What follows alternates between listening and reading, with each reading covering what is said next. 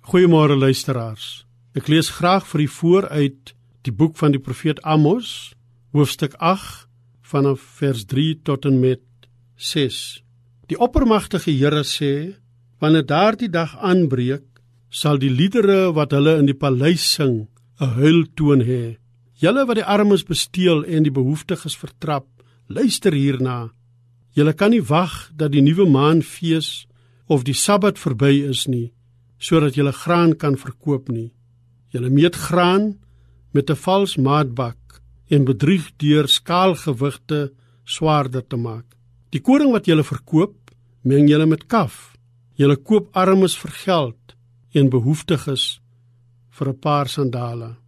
Dit staan soos 'n paal bo water dat die ryk van God 'n onuitspreeklike gawe aan die ganse geskape werklikheid is. En die mens mag uit genade hierin deel en hiervan geniet. Ons ontkom egter nie daaraan dat die koning van die ryk aan sy burgers nogal taamlike hoë eise stel nie. Meer nog dat hy ons soms met die roede tegemoet kom. Die God van die ryk gaan nie altyd sy mense met 'n oop hand en 'n vriendelike glimlag tegemoet nie, maar soms met 'n gebalde vuis. Amos probeer die waarheid tuis te bring deur beelde, soos die beeld van die mandjie vol ryp vrugte. Daar is 'n onderliggende ironiese ding hier, omdat 'n mens tog positief sou dink aan 'n mandjie vol heerlike geel vrugte. Maar by Amos kom daar 'n heel ander duiding na vore, dat die volk van God in hulle dwaling en ongehoorsaamheid so ryp is vir die oordeel, soos die mandjie vol ryp vrugte.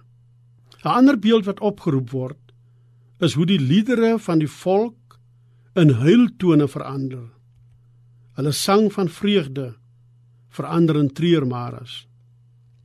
En dit gebeur nie in die eerste plek omdat hulle oneerbiedig teenoor God opgetree het nie, maar omdat hulle van die armes steel en hulle vir geld koop, behoeftiges vertrap en omdat hulle in allerlei wanpraktyke in die ekonomie verval. Hulle gaan transaksies aan waardeur hulle self verryk word en ander gruwelik benadeel word. Hulle voldoen gewoon nie aan God se standaarde vir sy koninkryk nie. Kom ons bid saam.